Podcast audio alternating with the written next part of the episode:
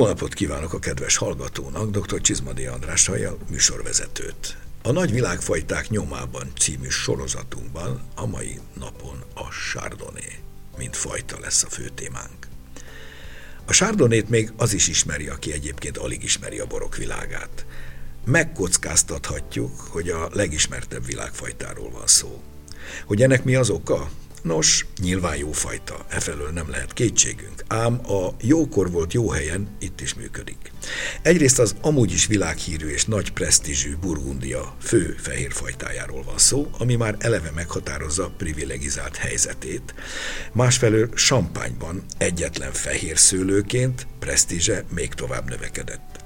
Ráadásul tényleg kiváló fajta, így aztán a világ szinte minden pontjára eljutott, ahol szőlőt termesztenek és bort készítenek és mivel sok van belőle, mindenki ismeri. És mivel mindenki ismeri, így jól eladható. Emiatt aztán sokan telepítik is. Szóval az ördögi kör összeáll.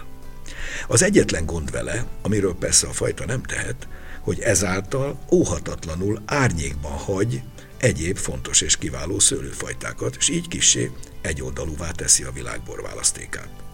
Szinte minden fehérboros gazda kötelező kürnek érzi, hogy sárdonét már pedig kell telepítenie.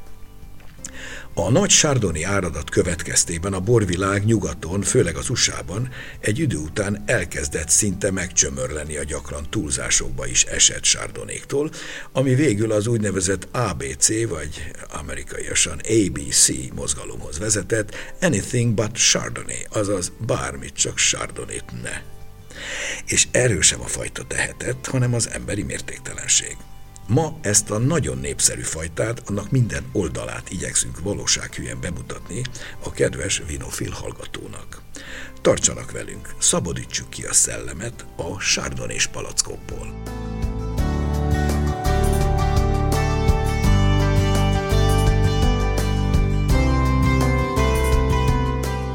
Köszöntöm a stúdióban Horkai Andrást, a CEVI alapítóját és vezető tanárát. Én szépen köszönöm a meghívást, köszöntök minden kedves hallgatót. András, azt már régóta tudjuk, hogy a Chardonnay fajta Burgundia szülöttje, és mint ilyen ott hozza azokat az etalonnak számító nagyborokat, ami az a világon több helyen próbálnak igazodni is. De hogy kik voltak az ősei, azt csak nem túl régóta tudjuk, mióta a kaliforniai Davis Egyetem megtalálta az ősöket. Nos, itt is a jó öreg Pinot Noir, amelytől egyébként is sok-sok fajta származik, itt összekereszteződött a korábbi századokban Franciaországban és Németországban is igen elterjedt úgynevezett hunszőlővel, ez az a bizonyos, hogy a németek hívják Weisser Hoin is, a francia névváltozatában a Coué Blanc. Ezek tehát az ősök.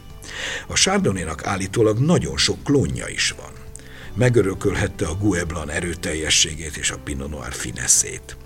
A fajta igen sokoldalú. Melyek a kétségtelen erényei? Hát ebben a sokoldalúságban van az erénye, és egy kicsit a hátránya is, hogy mindenre hajlandó, igen, mindenféle stílus lehet belőle készíteni, attól függően, hogy reduktív stílusú sárdonét akarunk készíteni, vagy hűvösebb klímáról, vagy fahordós sárdonét készítünk, mérsékelt kontinentes vagy mediterrán klímáról.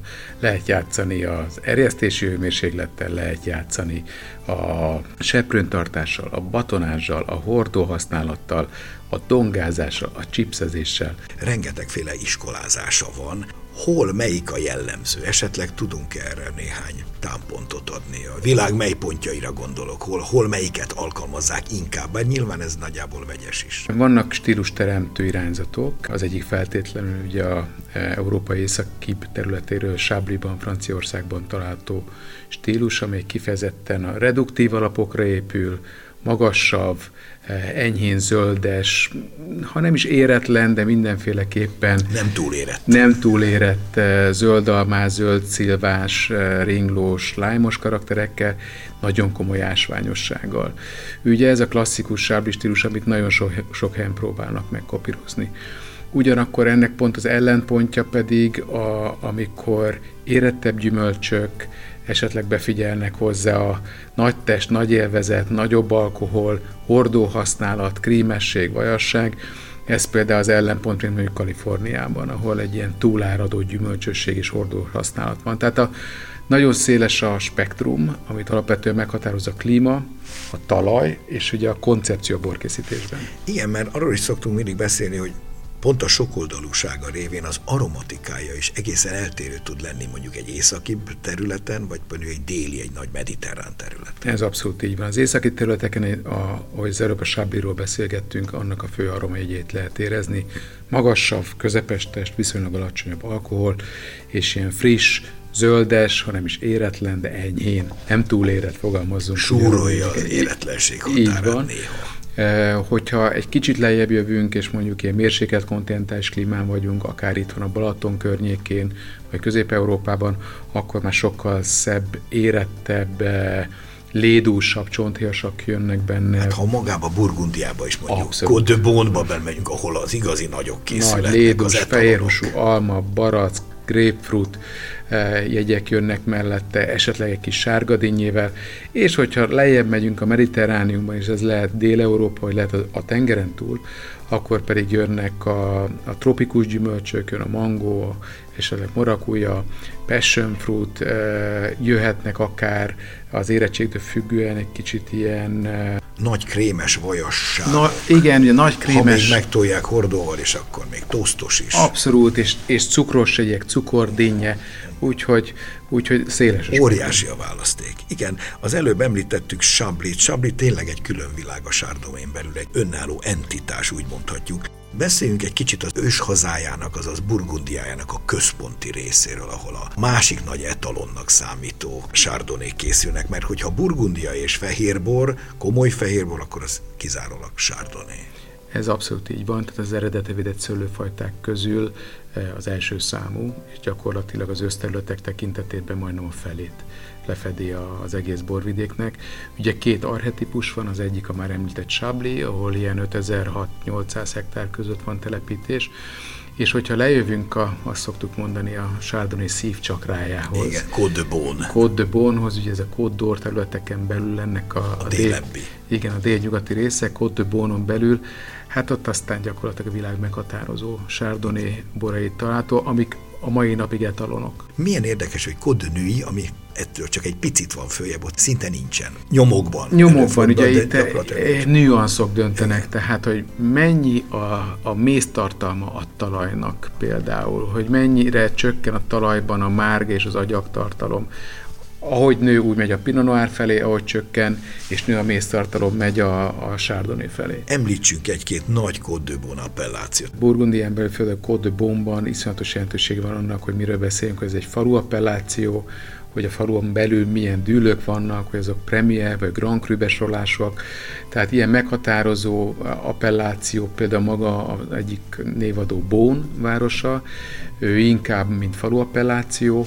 Mörszó az mindenféleképpen a Premier Crüknek az egyik csúcs eh, területe, és hát a Grand Cru az, ami a maga gyakorlatilag a központ, a csúcs, az, a csúcs az pedig Puligny Montrachet, Sarseny Montrachet, az összes, az összes Montrachet. Igen. Pulignyval, Sassányjal, összes rokonával együtt. Amelyek kevesen tudják, de maga a nagy terület az nem több mint 8 hektár összesen. Hát ennek megfelelő az ára is. Igen. A Chardonnay másik fő híres lelőhelye éppen Champagne. Ugye Champagne három fajtájából kettő kékszőlő, ugye Pinot Noir, Pinot Meunier, és egyetlen fehér van mindössze jelen, és ez éppen a Chardonnay.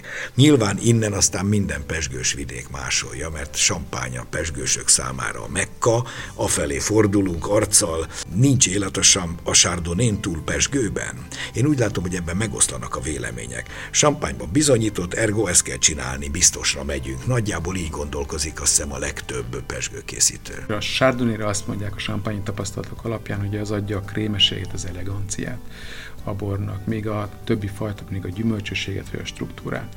E, ugye itt sámpányon belül is a 30%-a csak az össztelepítésnek, és inkább meghatározott területeken lehet, mint ez a e, Marne régióban, vagy Côte de elsősorban.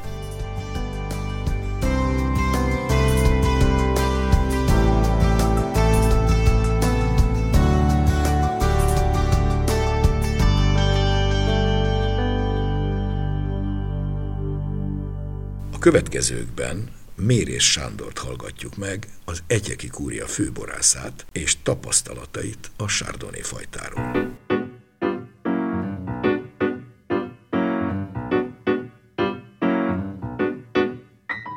Mi jellemző az egyeki sardonéra? Egyeken a sardoné az, az egyik meghatározó szőlőfajta a borvidéken.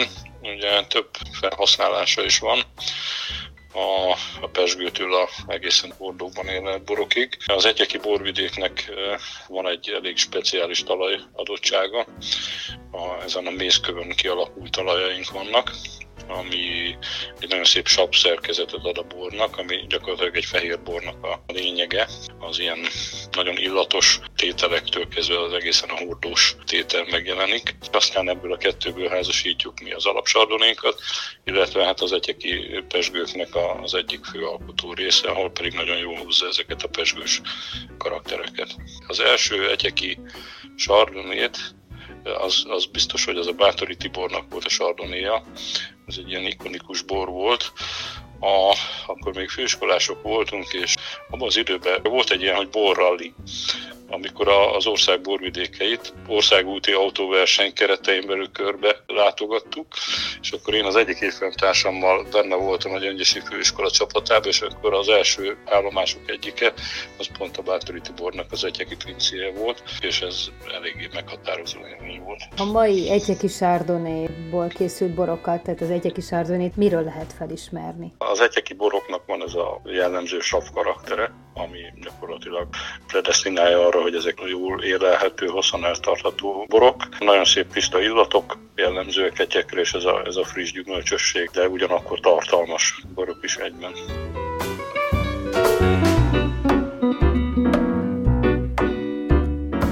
András, említettük, hogy ez a fajta, amit szinte minden iskolázásban készítenek, és ennek megfelelően igen széles skálán mozog, sokszínűségben, és persze minőségben is. Igen, azt szoktam mondani, hogy egy kaméleon, mert mindenféle borkészítési eljárással lehet operálni benne. Ugye az egyik alap ez a, hogy említettünk a sábli stílus, ami fúreduktív. Nagyon jól reagál ettől függetlenül, miután egy neutrális fajtáról beszélünk, a seprőntartásra, eh, a batonázsra. A finom seprő felkeverésre, abszolút, ugye, ami gazdagítja. Ami, ami egy kicsit a textúrát vastagítja kérémességet ad hozzá. Nagyon jó reagál az almasabb bontásra. Igen, ebben is különbözők. Van, aki nem bont almasavat, Így van. van, aki félig bont, és valaki Szó nagyon bont. Abszolút, és ugye ennek megfelelően szintén ez a vajasság, krémesség tud jobban vagy kevésbé. Minél inkább bontott, ugye annál inkább a varasság. Abszolút. És akkor ugye mindezek mellett például a Côte területeken, amit nagy előszeretettel használják az előző technikákat, a hordós érlésnek nagyon nagy jelentősége van, sőt, ott még legalábbis a csúcsváltozatnak, ha jól emlékszem, a hordóban is erjesztik. Igen, tehát maga igen. Az, az ez, ez megoszlik, van, aki tartályban erjeszti, van, aki hordóban, igen. ugye ez a tradicionális, és gyakorlatilag a hordóban érli tovább, ezek általában kisebb méretű hordók, 228. 8, igen. Így van. Ez, ez már nem barik, ez a ez PS, csak azért is máshogy hívják a burgundiaiak, mint a bordói. És mondjuk a, a sárdonyok esetében ez mondjuk olyan egy évet gond nélkül kitelt. És ugye, ha Európán kívül nézzük, akkor gyakorlatilag ugye a hordó az ad hozzá pörkölési aromákat, édes fűszereket, ezt eh, a tengeren túlon nagy előszeretettel kombinálják, tehát az Egyesült Államokban, Kaliforniában, Kaliforniában ott, óri, ott óriás trendje van, még mindig, bár azt mondják, hogy nem, de azért igen, a hordós érlésnek, ahol meg az amerikai tölgyből adódóan sokkal édesebb karakterek jönnek. Egy kicsit kókuszos, kókuszos, vaníliás karakter, még krémesebb Úgyhogy még adnak, ha lehet azt mondani. Egész behizelők, azt lehet nagyon, mondani. Nagyon, nagyon populáris. Tehát a kezdő Chardonnay ivóknak, ha vannak ilyenek, akkor javasoljuk, hogy kezdjen kaliforniaival, hogy mindjárt beleszeret. És ugye nagyon sokan mondják, igen, ezt ismerem, ez vajas, krémes, hordós, és ez a Chardonnay. Ez nem a Chardonnay, de a Chardonnay tudja legjobban megmutatni. Ez így van. Sokszor a tanítványaim is hajlandók, hogy egy vajas, krémes bort kóstolni, biztos Chardonnay. Nem, ez annyira összekapcsolódott így a Chardonnay volt, ez más szőlőből is előfordul fordulhat, ha ilyen iskolázásban van. És itt van a jelentőség, hogy ez egy neutrális fajta, hogy sokkal jobban megmutatja ezeket a jegyeket, de ha már itt tartunk, akkor a nem csak fa, pontosabban fa, de nem csak hordó, hanem ugye chipsezés vagy dongázás. Olcsó megoldás. Olcsó megoldás, ugye ezt egy időben Ausztráliában nagyon nagy szeretettel tolták, viszont, hogy ne vezessék félre a fogyasztót. fel kell tüntetni. Így van, amire ők azt használták, azt a kifejezést, hogy án, pontosan, hogy ógt. Ógt, azaz tölgyezve. Tölgyezve, de nem hordóból. Így van hanem chipsből, vagy esetleg dongából. Tehát a kedves hallgató kedvér, ha ilyet lát mondjuk egy külföldi címkén, angol szászul, hogy oaked, azaz tölgyezve, akkor ez nem fahordót, hanem csak fa kontaktust jelent, vagy chips, vagy hordó donga belógatást a tartályba egyébként. Új világiaknak valószínűleg erre utal. Az új világ. Meg az árából is lehet sejteni, mert a hordó ára mindig rátelepszik a borra, és jelentősen megnöveli, hiszen az oldó nem olcsó. Ha már Kalifornián túl vagyunk, és említettük, milyen az Ausztrál sárdoni, mert az megint egy másik világ. Igen, az ausztrálok nagyon nagy sikert értek el a 80-as években. Sárdonéval gyakorlatilag az angol száz piacokat meghódították, ez lett nekik a szirá vagy siráz, mert a másik kitörési pontjuk. Rengeteg sárdonéjük van, 36-38 ezer hektár, vagy valahogy így. Gyakorlatilag Franciaország, Egyesült Államok után ők a harmadik legnagyobb telepítéssel rendelkező ország, és hát minden stílusban vannak. Van a tömegtermelésre szánt, olcsó. van. Eh, Pár száz forint, ezer alatt meg Abszolút, lehet kapni. Itthon is. Óriás megapincészetektől, és vannak nagyon komoly minőségű sárdonék, főleg az óceánpartról származó borvidékekről, Dél-Ausztráliában, Adelaide, Victoriában ez Yara, vagy a Nyugat-Ausztráliában Margaret River, vagy akár Tasmániából csodálatos Igen, azok a leghűvösebb termővidékek. És ugyaninnen jönnek a pesgőik is ennek megfelelően. Igen, igen, nem kóstoltam még Tasmán, de azt mondják, hogy egészen jó. Sok világversenyen, nem hogy döntősök, hanem hozzák a formát. Nagyon ha már új világban vagyunk, akkor nézzük meg Dél-Amerikába, ott is van jelentőség. Én egy kicsit Csillében többet érzek, de talán Argentinából is lehet. Csillében több is van, több is van, mint Argentinában. Csillében a számok szerint ilyen majdnem közel 9000 hektárnyi van, míg Argentinában 6500 hektárnyi. Mind a két országban a második legsűrűbben telepített fehérszőlőfajta. Csillében a Sauvignon Blanc van pariba, Argentinában pedig a Torontész helyi fajta mellett, és mind a kettőnek az az előnye, hogy kristálytiszta, legújabb technológiával készített sárdonék lehet reduktív, lehet fahordós érlelésű és árérték bajnokok. Az óvilágban, ha visszatérünk egy pillanatra, ugye az is ténykérdés, hogy Burgundián kívül Languedoc-Roussillonba készül a legtöbb sárdoni. Nem őshonos fajtáról van szó, de miután populáris a világban és jól eladható, Peidok néven rengeteg sárdoné készül, és egészen jók is vannak közte. Ez abszolút így van, csak az összes nagy boros biblia gyakorlatilag az eredetvédett borvidékekkel kezdi és fejezi be, és miután a Languedoc roussillon területeken zömével inkább az tájbor kategória van, mint a Peidok, kevésbé veszik számba őket, pedig árértékben és minőségben brutális. Azért a pénzért remek. Nagyon, van. nagyon. És milyen a Kárpát-medencében? Mert hogy itt is van bőven. Kárpát-medencében is van bőven, ez abszolút így van, és nekünk sincsen szégyelni valónk, mert gyakorlatilag a Kárpát-medencében Magyarországon a legtöbb telepítés, közel 2200 hektára, de nálunk egyébként nincsen benne az első ötbe. Tehát csak a hatodik legsőbben telepített fajta, és előtte vagy regionális, vagy magyar fajták vannak. Az nem baj egyébként. Abszolút, abszolút nem baj. Bőven elég így is. Így van, a környező országokat, azokat bőven verjük sárdony telepítésben, ahol még nagyobbak vannak a Kárpát-medencén kívül, ez Moldova, Bulgária és még Ukrajnában is szép telepítések vannak. Tehát ezek mind ilyen 3-5 ezer hektárnyi telepítések.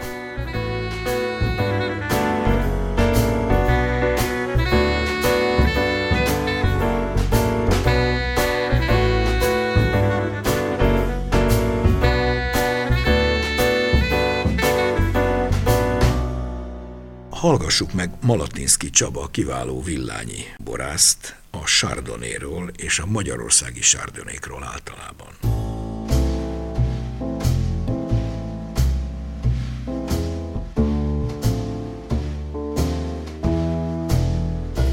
Mielőtt a tevékeny borászok talajára léptem volna, szomeléjeként dolgoztam, és Burgundiában kóstolhattam a, a fajta remekeiből, úgyhogy innen van a, vannak az első ö, emlékeim, és hát az első ö, rendkívüli benyomások a sárdoné fajtáról. Milyenek voltak ezek a rendkívüli benyomások? Tehát mi volt az első tapasztalat?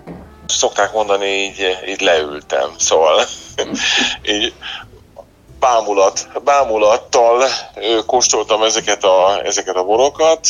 Hát ezek egészen más dimenziót jelentettek számomra, mint, mint amit addig ismertem. És hát azóta is tart a szerelem, úgy tudom. Igen. Mik a tapasztalatai itthon?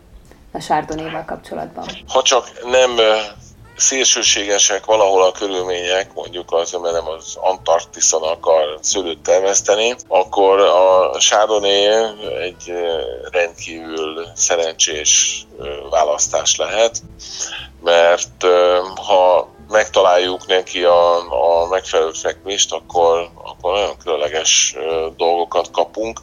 Lehetne azt gondolni, hogy a déli fekvésű villány siklósi borvidék az túl meleg a sárdonénak, mint ahogy vannak ilyen hát általánosító vélemények, de hát az eredmények csak azt mutatják, hogy vannak itt nagyszerű lehetőségek. Kisebb dőlésszögű területre van szükség hozzá, és magas méztartalomra itt a jelenleg a mi körülményeink között, és akkor ez nagyszerűen működik. Mi jellemző a Malatinszki sárdonéra, ami siklóson terem? Mind a három általam tipikusnak gondolt arcát meg tudja mutatni, ezért három különböző bort készítek belőle.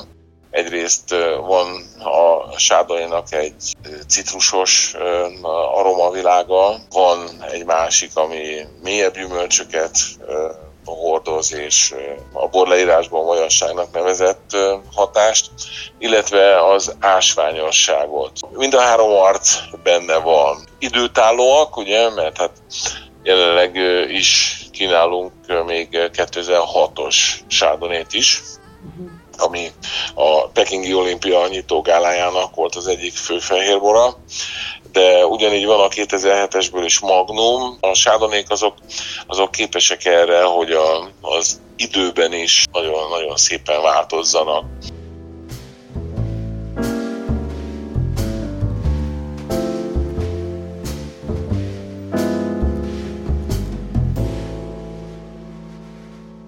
Be most a nálunk sajnos méltatlanul kicsit ilyen szegény rokonként kezelt, egyébként valójában is rokonfajtát, amelyet a világ egyes borrégiójúban ugyan nagyra becsülnek, ez pedig nem más, mint a Pinot Blanc, azaz magyarul a fehér burgundi.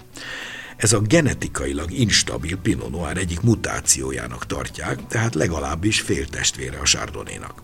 Egykor Burgundiában és Sampányban is jellemző volt, azonban nagyjából kiszorult onnan. Viszont új hazára lehet Elzászban.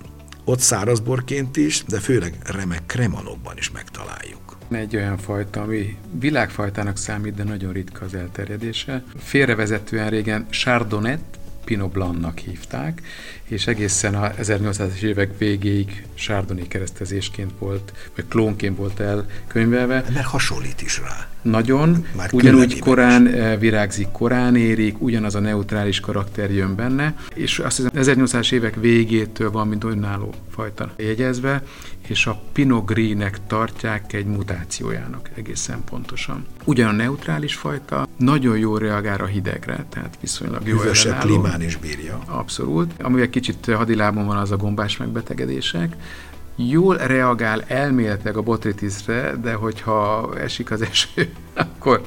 Jó, hát az másnak se tesz jót. Igen, akkor de, Ha már a botritisről beszélünk, a Fertőtó környékén, az osztrák oldalon, Igen. remek Bérenauszlézék és Trockenbérenauszlézék, tehát édesborok, nemes Igen. És ha már Ausztriáról beszélünk, akkor valóban egyébként elszáz az, ami a kitörési pont, bár ott egyes eh, szakértők szerint a, ő a hátasló Mindent lehet rárakni. Igen, a, a négy nagy szőlőfajta közül, főleg ez a burgenlandi lész, illetve Steiermark egyes részein, ugye Weissburgunder néven Eh, többek közt nagyon-nagyon szépeket lehet találni belőle, és egyébként meg Németország, ahogy említettem. Hát ha már Weissburgunder a németek, különösen a déli részek, ugye az Elzásszal szembelevő tükörképe, ugye Baden, egészen kiváló Weissburgundereket sikerül kifogni. Igen, így van. komolyan veszik. Nagyon komolyan veszik, ugye ott is a Rajnai Riesling után egy komoly minőségi kategóriát képvisel, és ahol még komolyan veszik legalábbis mennyiségileg, minőségileg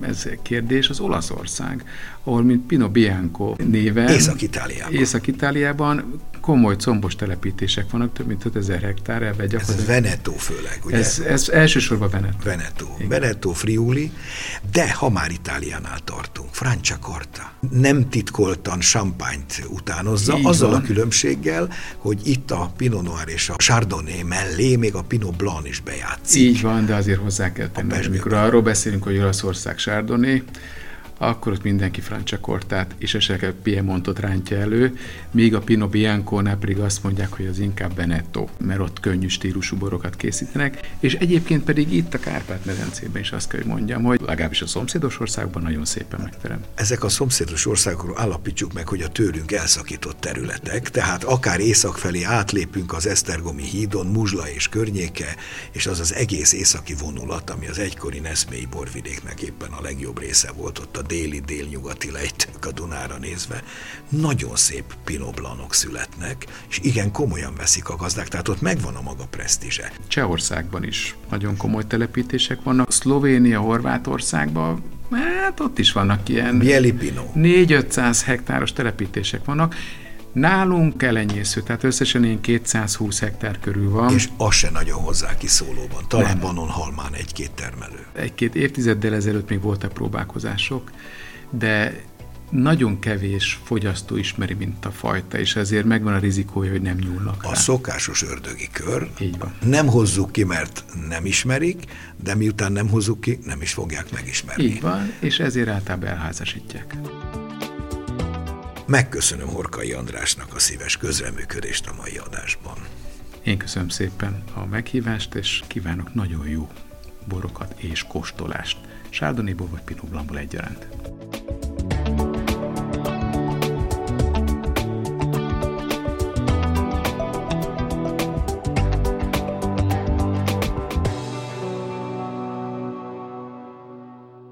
És most hallgassuk meg, mi újság a borok világában. A híreket Novák Dóra szemlézi.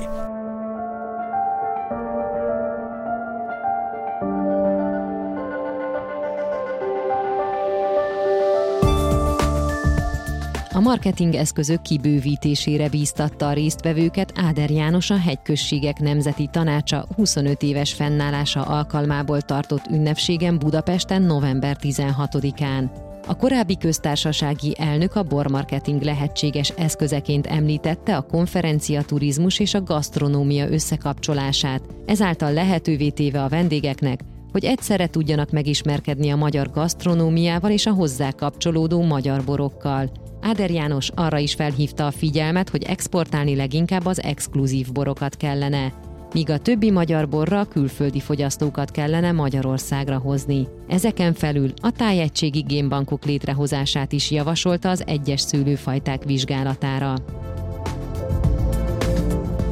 Megnyílt az M Gallery Hotel Collection új magyarországi szállodája, a Minaro Hotel Tokaj M Gallery. Az egykori Andezit bányában felépült ötcsillagos hotel a világörökségi Tokai borvidéken található. A szőlőhegyek közelsége hangsúlyosan jelenik meg a szálloda gasztronómiájában is. A hotel ugyanis személyre szabott gasztronómiai mesterkurzusokat kínál a főzőbemutatóktól a borkóstolókig. December 1-én csütörtökön kerül sor a bor és piac idei pesgő és bortesztjére a Mate Budai kampuszán. A kóstolás során a vendégek a legjobb pesgőket, aszuborokat, szamorodnikat, jégborokat, valamint késői szüretelésű tételeket kóstolhatnak. Az est folyamán dr. Pásti György nyugalmazott egyetemi docens szakmai előadásai nyújtanak majd bepillantást a színfalak mögé.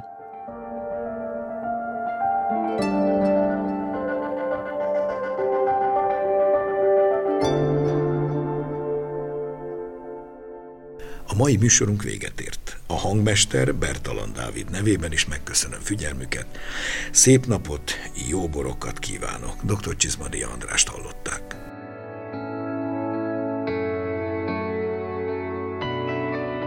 Az elhangzott műsort a Duna Média Szolgáltató Nonprofit ZRT megrendelésére készítette az NTVA 2022-ben.